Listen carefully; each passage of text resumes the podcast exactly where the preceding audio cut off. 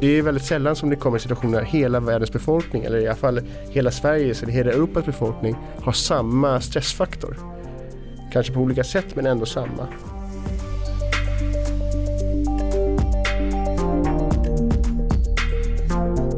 Under första vågen så var det väldigt mycket bilder på ensliga miljöer och, och eh, folktomma tunnelbanevagnar och folktom Drottninggata.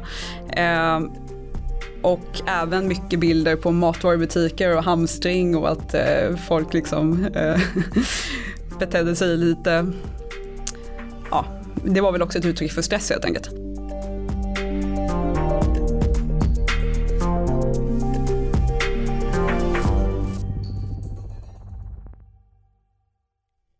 Vi har alla påverkats av pandemin på ett eller annat sätt. Somliga har förlorat en närstående, andra jobbet och de flesta av oss har fått hitta nya sätt att sysselsätta oss i hemmet. Den 29 september 2021 är datumet då Sverige går tillbaka till vad vi ändå får kalla det nya normala. Men då kan man ju fråga sig hur har pandemistressen påverkat oss? Och kan sociala medier säga något om hur vi hanterat denna stress? Det ska vi prata om idag med Ola Svenonius och Sofia Olsson, forskare och analytiker från FOI. Välkomna till Rapporterat. Tack så mycket. Tack så mycket. Psykisk hälsa och sociala medier kanske inte är något som våra lyssnare per automatik kopplar till FOI. Varför tror ni att MSB bad just FOI forska om det här? Alltså MSB kom ju med en, en inbjudan om att eh, lämna in idéer till projekt då i slutet av mars, början av april, jag kommer inte ihåg när. Och då var det ju, det, det, var väldigt mycket som florerade på sociala medier. Det var Trump som drack typ, eh, eller han på med hydroklorokvin eller vad det heter. Och, och det var massa sådana här saker som, som hände då. Och eh, det var uppenbart att det finns den här infodemin parallellt med pandemin. Och för mig så var det väl klart att att desto mer stressade människor blir så det borde rimligtvis vara så att eh, man släpper lite på andra saker möjligtvis. Precis, så att eh, som vi skriver i rapporten så, eller som Ola skriver i rapporten så förstår man också hur, alltså genom att kolla hur människor beter sig på sociala medier så kan vi få någon slags förståelse för hur man eh, kanske uppfattar kristider helt enkelt. Ja, precis, det var väl en väldigt fint formulerat. Jag tycker att det, det är väl liksom, det var ju så, man, man förstår, folk skulle vara hemma, man sitter med internet, man läser massa grejer, vissa nojar, vissa bara, nej men nu ska vi ta tag i det här. Ja, det, och då uttrycker man för det, är liksom, det blir meningsbärande alltihop. Ja precis, om du inte kan sitta och prata med dina vanliga kollegor så kanske du tar just till sociala medier istället för att liksom värdera din, eller uttrycka din oro och eh, ja, även se att du inte är ensam. Och för att besvara era frågeställningar så analyserar ni 835 olika inlägg på TikTok och Instagram. Det första som kommer till mig är varför just de här sociala medierna? Det är ju för att det är roligare. nej, nej, utan det är så här. Vi har ju kollegor på FOI som, som är väldigt duktiga på att analysera bland annat data från Twitter. Och det är ju så att säga lätt på det sättet att man kan ladda ner dem direkt. Och man kan ladda ner väldigt mycket. Det finns mycket forskning om Twitter, det finns ganska mycket forskning om Facebook också. Men när man börjar titta så finns det ganska lite forskning om TikTok och Instagram. Och eh, jag tyckte att det här, det är liksom en, vi kan inte ha eh, en blind fläck där liksom. Men vi måste i alla fall hitta ett sätt att hantera den svårigheten att samla in datainformation från de plattformarna också. Så får vi, då får man väl försöka se, okej okay, går det här? Eller går det inte? Är de alltså svårare än andra sociala medier? På det sättet är det svårare. Till exempel en YouTube kan du också ladda ner videor från. Du kan ladda ner kommentarsflödena in. Du kan ladda ner dem rakt in i analysprogram och så kan du eh, sitta och analysera de eh, kommentarerna där. Men här måste vi logga allt manuellt. Vi kan inte göra, ingenting sker automatiskt. Nej, och jag tycker också att det är intressant med just eh, TikTok och Instagram för att de är appar som mycket mer är fokuserade på bild och video än vad de är på text. Och ofta så uttrycker man ju sig på ett annat sätt om du bara ska lägga upp en bild eller du ska posta ett 30 sekunders klipp än om du ska skriva en lång kommentar i en Facebookgrupp där det finns ett specifikt tema. Så hur går den här datainsamlingen till? Ja, det är, är, Sofia som, har, som har, är mastermind på den här. Jag, vi tänkte ut ett, ett, ett förhållningssätt. Liksom. Idén är ju att vi kan inte liksom ladda ner massa bildmaterial på folk för ett, det är ju personuppgifter. Både kontonamn och bilder. Två, det kan finnas eh, många mindreåriga som lägger, som lägger upp och vi vet inte. Och då sitter vi och loggar eh, massa personuppgifter plötsligt. Så då var vi tvungna att hitta ett sätt att göra det som skulle funka med etik eh, forskningsetiskt och det ska funka med GDPR och det ska funka med alltså att vi uppnår våra syften. Så du eh, Sofia har gjort Ja precis, först, först så fick vi ju hitta då vilka hashtags det var vi skulle titta på och det tog ju ett tag så man fick ju först liksom göra ett förarbete där man kollade på olika hashtags för att se vilka som var relevanta att titta på, vilka det fanns mycket inlägg på, vilka som det kanske bara var tre konton som hade postat på. Och därefter så tog vi ett beslut om vilka vi skulle fokusera på. Mm. Och sen var det helt enkelt bara att uh, börja scrolla. och det som är tacksamt med Instagram, vilket var det sociala mediet som jag framförallt fokuserade på, det är att man kan gå tillbaka kronologiskt på eh, hashtagsen. Vilket betyder att du får alla bilder. Och det var ju kul så tillvida att man verkligen får en tidslinje. Men det var ju också hade du liksom, när du tappade din eh, plats i tidslinjen så tog det en himla lång tid innan du hittade tillbaka till samma position igen. Och det, ja, tummen gick varm kan vi säga. Det uppstod ju också någon sorts arbetsmiljöproblem eftersom vi först hade ganska små telefoner. Vi hade för lånetelefoner för både, alltså i alla fall TikTok är ju inte eh, den, den är en app som läcker ganska mycket data så vi kan inte installera den på, på allt möjligt här. Utan det, då hade vi särskilda dedikerade telefoner till det. Men, men de var, hade så små displayers, då blir det ju liksom, då sitter man ju och, och, och liksom kisar in, kisar in i skärmen. Så, det kom. Ja. så då köpte vi liksom efter ett tag så, så köpte vi plattor så ni kunde sitta med, med, med plattor som hade liksom pennor och sånt där så att det fanns ett så bra hjälpmedel. Precis, det var ju väldigt skönt för man blev ju lite skärmtrött efter ett tag. Men eh, sen det vi gjorde var helt enkelt att vi tittade på, på inläggen och sen så gjorde vi en eh, deskriptiv kodning i Excel där vi helt enkelt för hand beskrev varje inlägg. Och efter det så analyseras det då mer djupgående. Mm. Vilka hashtags var det ni kollade på? Corona Sverige, Corona Stockholm, och covid-Sverige. Och covid-Sverige. Och på eh, TikTok så funkar det inte riktigt lika. De har inte, där används inte hashtag på samma sätt. Så då var det mest då använder vi det som samma som sökord. Men vilket jäkla jobb. Ja, det, det måste det. tagit tid alltså. Det tog väldigt mycket tid. När jag kodade direkt från Instagram och TikTok så tog det ännu mycket längre tid. Alltså jag var inte den som var mest effektiv av alla, det ska jag verkligen säga. Men, men sen så, så fick man gå tillbaka också för sen hade vi ett antal inlägg som var kodade och sen så, så hade vi kategoriserat dem och så fick man gå tillbaka och validera så att det liksom man förstod, att det, det var faktiskt rimligt att, att säga, tänka så här kring det här inlägget. Det var det som var, man kunde kategorisera. Så det finns ju det är mycket rörelse fram och tillbaka också. Ja precis, för det var ju inte alltid uppenbart eh, vilken kategori då eller liksom vilket tema det var på ett inlägg eh, direkt. Utan då fick du ju sitta ett tag och fundera lite på det. Så att ja, det, det tog ganska mycket tid. Mm. Det gjorde mm, det. Fick ni något problem med inlägg som försvann? Nej, jag har inte sett att jag, att, ja, för jag har gått tillbaka i tidslinjen och sånt där. Jag har inte sett att det har varit inlägg som har tagits bort så himla mycket. Nej. Nej. Vad var det ni ville ta reda på? Alltså idén för mig, jag gjorde jag upp den här äh, filmen, den lilla filmen med russinmasken. Och då, var, och då tänkte jag så här, men då fick det liksom bli inspiration till själva temat. Och det var ju att men, i den här svåra situationen som alla ju befann sig i. Det, det, är väldigt sällan som det kommer situationer där hela världens befolkning eller i alla fall hela Sveriges eller hela Europas befolkning har samma stressfaktor. Kanske på olika sätt men ändå samma. Då vill man ju förstå hur, det, liksom hur man hanterar det och samtidigt så hade vi den här desinformationsvågen. Det var ju mycket skräp som florerade på den tiden. Och, då, och eftersom jag vet att stress liksom påverkar den kognitiva förmågan så tänkte jag att rimligtvis borde det vara så att det påverkar förmågan att hantera missvis vilseledande information också. Och hur ska man då hantera? Och då tänkte jag att det kanske finns ett, en, liksom, ett, ett strategi som liksom går ut på att här, skicka vidare massa information också och att det innebär att man sprider mer falsk information. Um, som tur var kan man ju säga hittade vi inte det.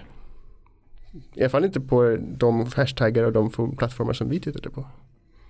Och för den som eh, undrar vad är en russinmask? Då får man gå in på Russinmaskprojektets eh, Instagramkonto och titta på den lilla videon som ligger där. För det är en liten video med en, med en, en mask av russin som rör sig över ett papper. Uh, och den är väldigt fin. och Har en lustig melodi också. Ja, så, så den, så då la vi upp den sen. Man kan gå in och kolla i alla fall. När vi är inne på metod så skulle jag vilja höra era tankar kring för och nackdelar med den här typen av studier. Vad, alltså, vad kan man säga egentligen utifrån ett sånt här resultat? Det jag skulle säga där är att vi var ju tvungna att förhålla oss till några på förhand utvalda hashtag vilket kanske gjorde att efterhand så kanske man bytte hashtags. Men då kanske vi missade det. Sen tänker jag också att framförallt med Instagram så är det ju ganska många som har stängda konton och det ser man ju förstås inte utan vi fångar ju bara upp det som är eh, taggat med hashtaggen helt enkelt. Samtidigt om man då skulle vilja sprida desinformation så är det ju kanske inte helt rimligt att man har ett stängt konto för det blir mycket svårare. Och sen så, ehm, de är ju ganska olika de här två sociala medierna och eh, det var ju också en utmaning i metoden att, att tänka på det tänker jag. Ja, verkligen. Sen finns det, det finns, alltså den här studien är, det måste man säga, den är ganska smal. Alltså vi ser ju, vi tittar på 800 inlägg i hur många inlägg eh, fanns det på Instagram under den perioden. Alltså det, är, det, är, en, det är bara en droppe i havet så att säga. Så. Däremot, och sen så, sen så kan man ju säga, ja det som människor lägger ut på inst Instagram representerar ju inte deras, hela deras eh, liv så att säga. Utan man lägger ut olika saker. Men det som vi ville komma åt var ju just det som man lägger ut. Det som, vad väljer man att kommunicera på Instagram? Vad vill man visa andra? Givet att alla typ är isolerade. Mm. Så det som man visar andra blir ju väldigt, det blir ju väldigt meningsfullt. Liksom. Och därför ser vi också, vi såg också många nya konton som var nystartade för att hantera just det, för att kommunicera kring coronapandemin. Precis. Så det var ju väldigt spännande så att säga. Så det, fanns ju, det finns ju många, det finns många metodologiska svårigheter i det här, den här, det här projektet som, vi, som, man kan ju, som man kan utveckla. Det finns mycket potential där men det finns också många saker som är väldigt givande. Liksom. Så det, man, ska varken, man, man, kan inte generalisera den här studien. kan inte säga så här, på Instagram finns det ingen desinformation. det är uppenbarligen inte så. Men i det här lilla springan som vi har tittat på så, så kan vi liksom se vissa saker. Ja, som du säger, det blir ju ett ganska unikt material eh, att titta på. Och det som också var kul för, för, en som, alltså för den som gjorde det här, det var ju att vi gjorde det i två skeden. Så vi började att titta på det i eh, eh, ja, före jul 2020. Då började man liksom kolla på mars och april. Och sen så eh, tog det ett litet tag så gjorde vi lite mer under våren 2021. Och då att för mig gå tillbaka och titta på hur det faktiskt var i mars, det var en ganska bra påminnelse om också att det var en sån himla exceptionell tid. För att man hade ju på något sätt vant sig vid det här nya liksom. Men i mars så är det ju verkligen så mycket, mars 2020 då, är det ju så himla mycket bilder bara på så här tomma tunnelbanestationer och det är tomma gator mm. och det här. Och nu har man levt det där så länge som man nästan har glömt bort hur det var. Ja, det kommer bli lite märkligt eh, när det sägs så här. Det är i Stockholm i alla fall ganska, ganska normalt redan nu skulle jag vilja hävda. Men, men, men sen så när det verkligen är, är inga restriktioner kvar. Det, det kommer bli en, en spännande och lite ovan tid för, för mig och för säkert många med mig. Verkligen. Verkligen. Ja, nu när vi spelar in det här är det väl en dryg vecka kvar tills mm. Eh, restriktionerna släpps. Eh, ni kollade ju på både första och andra vågen. Det var väl det, någon form av jämförelse där. Hur, hur skilde sig innehållet i sociala medierna mellan den här tiden? Alltså idén från början var ju att man skulle kunna se en, en utveckling mellan, alltså det skulle nästan kunna gå ner på enskilda konton och se byter man liksom stil eller hanteringsstrategi efter ett tag. Och det visar sig att det var lite vad ska jag säga, överambitiöst. Det, det var lite för svårt och också potentiellt ingripande i eh, de människornas liksom, liv. Så, att, så att det, det, det, gick vi väldigt snabbt bort ifrån. Utan, men, men det som vi tog sen var att titta, men vad är det som då läggs upp på de olika? Och där hade du, alltså, du som sitter in, gjorde den insamlingen, du såg ju det väldigt tydligt. Ja, precis. Som sagt, eh, under första vågen så var det väldigt mycket bilder på ensliga miljöer och, och Eh, folktomma tunnelbanevagnar och folktom Drottninggata. Och även mycket bilder på matvarubutiker och hamstring och att eh, folk liksom eh, betedde sig lite ja, det var väl också ett uttryck för stress helt enkelt.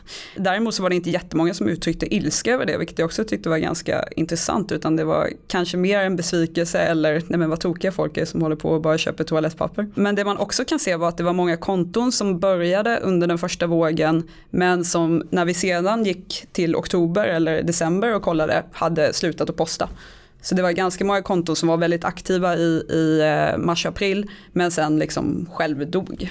Vilket väl också är ett uttryck för att man kanske var väldigt stressad just då men att man sen liksom vande sig mer och mer och då kanske man la av med det man hade börjat med under mars. Ja precis, det skapade liksom, alltså dels att man kanske hade mer tid då hemma men dels, dels det här Alltså det är, även om man inte var direkt orolig för sin egen hälsa, många var ju inte det särskilt i början, så var det ändå så Det var så mycket osäkerhet liksom i, i luften. Det krävde handling på något sätt, man var tvungen att förhålla sig till det här. Och det, är en, och det anser jag vara det som man kan kalla för en sorts stress eller psykologisk stress eller så. Alltså det, ja, jag håller med.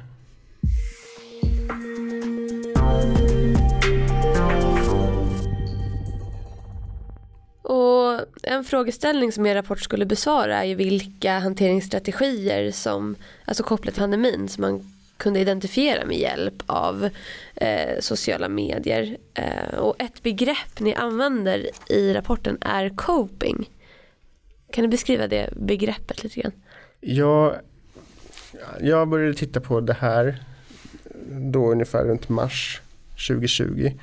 Och när man går, dyker in och sen så, så har jag gjort återkommande liksom litteratur undersökningar. Alltså, alltså, jag har dragit ner ny litteratur kontinuerligt också senast med slut kanske i juni någon gång 2021. Så det har kommit ganska mycket forskning om eh, stresshantering. Eh, och i, på, i, den engelska terminologin som det mesta av den här forskningen är skriven på så är det coping-begreppet som, som man använder.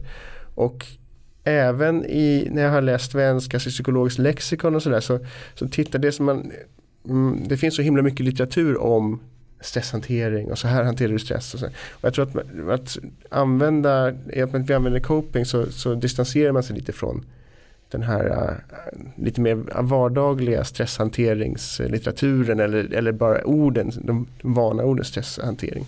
Så coping blir liksom det som uh, man tittar på, det är det som teoribildningen handlar om, det är lite mer specifikt. Så. Blir det då ett bredare begrepp?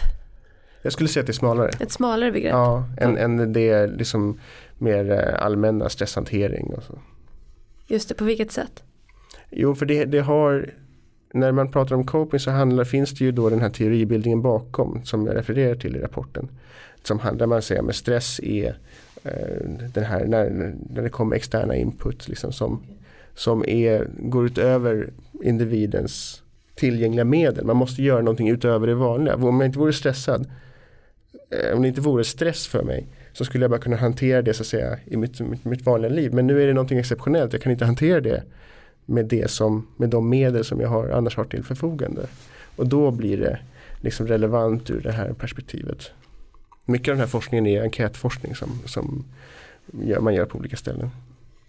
Just det, och, och vilka hanteringsstrategier eller copingstrategier kanske man ska säga då, kunde ni identifiera? Jag hade, alltså I den här teoribilden så brukar man prata mycket om de här ganska breda kategorierna. Eh, det blir ju först en strategi när det blir på något sätt övergripande, liksom som går ut över den enskilda handlingen. Och då finns de här som jag skriver om. Problemorienterad, känslomässig, bemötande, undvikande. Det är bland de som man säger är mest vanliga, mest frekventa, mest typiska och jag skulle säga mest accepterade kanske i, i den här forskningsgenren.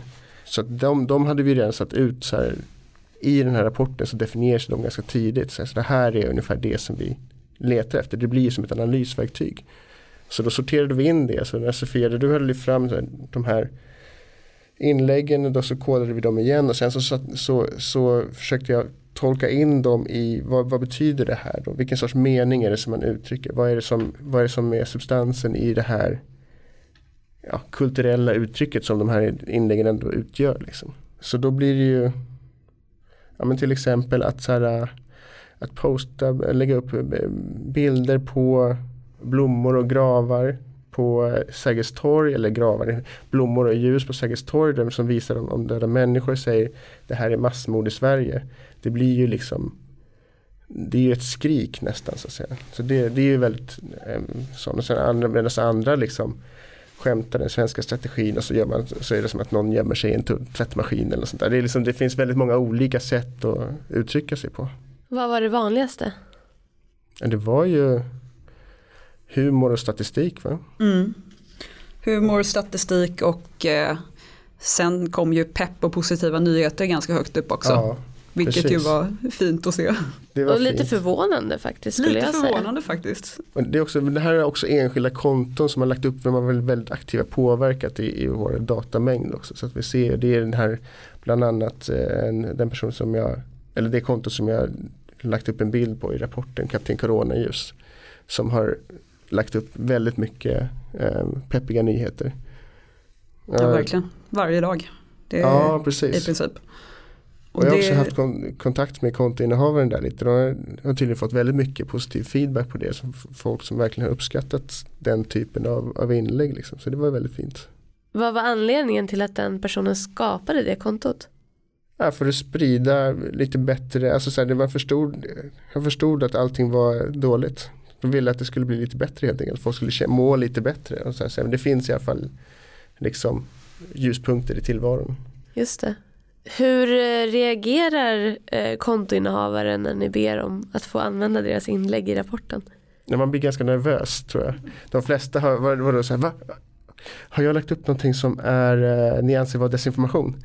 Och, eh, då, och, det tyder ju också på den här grundläggande osäkerheten vad, vad som är vad. Liksom. Man skulle ju kunna tänka sig att man vore ganska säker. Men, men eh, nej, man kan förstå att folk kan tolka in på olika sätt. Och så, så det brukar vara den första reaktionen. Men sen så förklarar, har jag förklarat så här, men vi vill använda den till och sen så varför och på vilket sätt. Och då, då brukar man förstå, ah, ja just det. Var, Var det någon som fick, sig, alltså som fick lära sig att det faktiskt var desinformation? Ja, men de är inte med i rapporten. Nej. Um, ja, det hände, absolut. Hur var reaktionen på det? Det blir man lite nyfiken på. Ja, alltså det var bara, det var mest en, ett konto tror jag. Och då, eh, då reagerade den personen med, alltså var ganska tystlåten. Alltså det var inte att jag fick utvecklade Nej. svar utan, utan avböjde personen sitt medverkan eh, tydligt. Och så först, ja okej. Det var inte mer så. Var det någonting som eh, stack ut bland alla inlägg? Alltså jag tycker att det finaste var att se att jag hade förväntat mig att det skulle vara mer desinformation och mer, vad ska vi säga, gnäll och, och liksom så. Men istället så hade folk valt att liksom lägga upp kanske finare bilder eller finare texter där man pratar om att man eh, ja men vi klarar det här tillsammans. Och det var mycket mer, vad ska vi säga, en känsla av solidaritet och nu går vi igenom det här än vad det var gud vad folk är eh, dumma i huvudet som beter sig på det här viset eller så. Mm. Det tyckte jag var fint. Mm.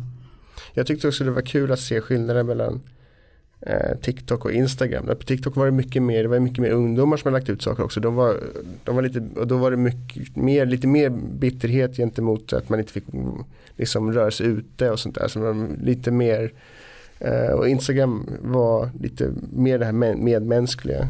Ganska mycket tyckte jag. Och det har säkert också delvis att göra som sagt med att det är en olika målgrupp, eller inte olika målgrupper men att det är ju många yngre på TikTok och det är ju många, ja, yng, det är ju en varierad grupp människor på Instagram också. Men det kanske är en större spann av eh, något äldre personer som har öppna konton och eh, använder hashtags. Ja, Skulle jag bara det. Absolut. Mm.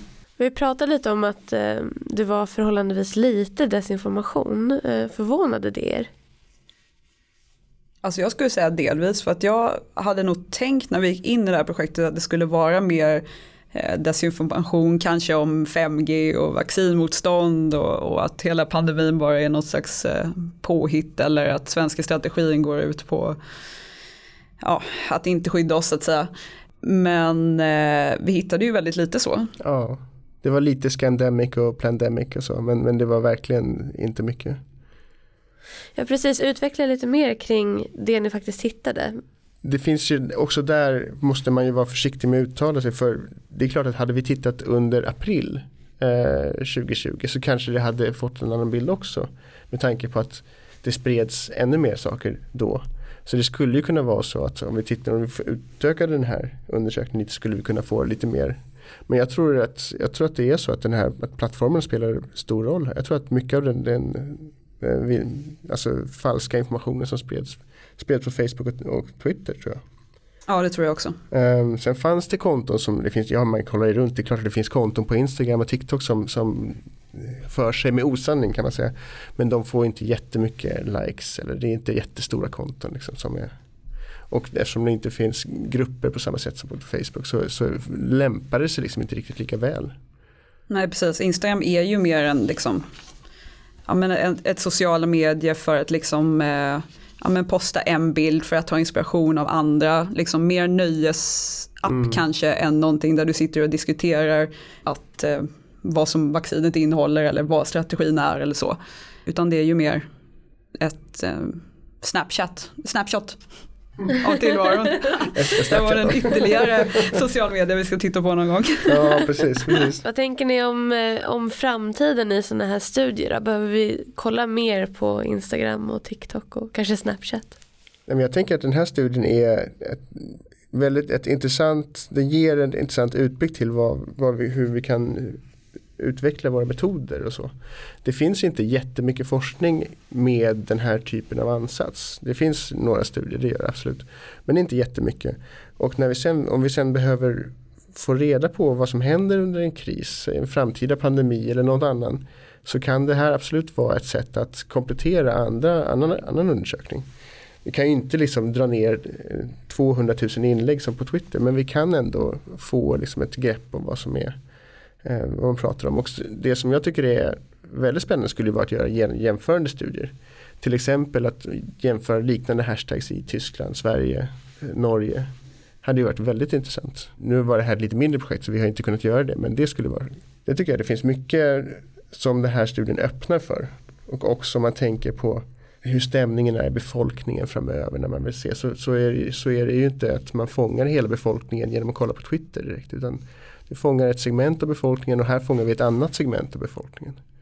Så det kan ju vara viktigt. Har ni några lästips till eh, våra rapporterat eh, lyssnare? Har vi några lästips? Vi har Instagramkontot Russinmasken. Um, vi har uh, rapporten. Uh, sen så finns det ju det finns ett antal som vad jag anser vara läsvärda referenser i den här rapporten. Som, alltså om man vill titta på den här forskningen om coping eller den här så, så, finns det, så kolla i referenslistan där för det finns en hel del spännande rapporter faktiskt. Sen tycker jag att det kan vara värt att besöka någon av de hashtaggarna som vi har kollat på och bara se hur det faktiskt var i mars 2020. Ja. För att nu har det gått så pass lång tid att man nästan har, har glömt bort det. Ja. Inte riktigt. Ja, förträngt kanske. Precis, ja, förträngt precis. snarare. Nej, Vilket väl också är min stresshanteringssituation då. Eller hantering. Ja, jag hade glömt bort alla tomma hyllor faktiskt. Mm. Men eh, konserverna, det ekade tomt. Det stämmer. Ja. Mm. Och toapappret var det ju. Ja. Toapappret och sanitetsprodukter var också borta. Och gå igenom Gamla stan och tänka att det är en filmkuliss. Det var en sån där sak som jag hade glömt bort för att det är så tomt på folk. Ja, intressant. Hur har ni sysselsatt er i pandemin? Ja. Känns ju ändå som en otroligt relevant fråga i sammanhanget. Jag har tröttnat på mina skärmar. Ja, jag på mina skärmar också. Ja. Um, nej, jag vet inte. Jag spelade igenom ett gammalt dataspel. Jag har lagt mycket pussel. Ja. Jag har faktiskt eh, stickat och gjort egna ljus. Mm. Wow. Egna ljus, det är kul. Doppa. Nej, eh, formar. Formar. Ja. Mm. Coolt. Och med de otroligt värdefulla tipsen inför en eh, nästa pandemi som jag hoppas vi slipper uppleva så tackar vi för att ni kom till Rapporterat. Tack, Tack. så mycket.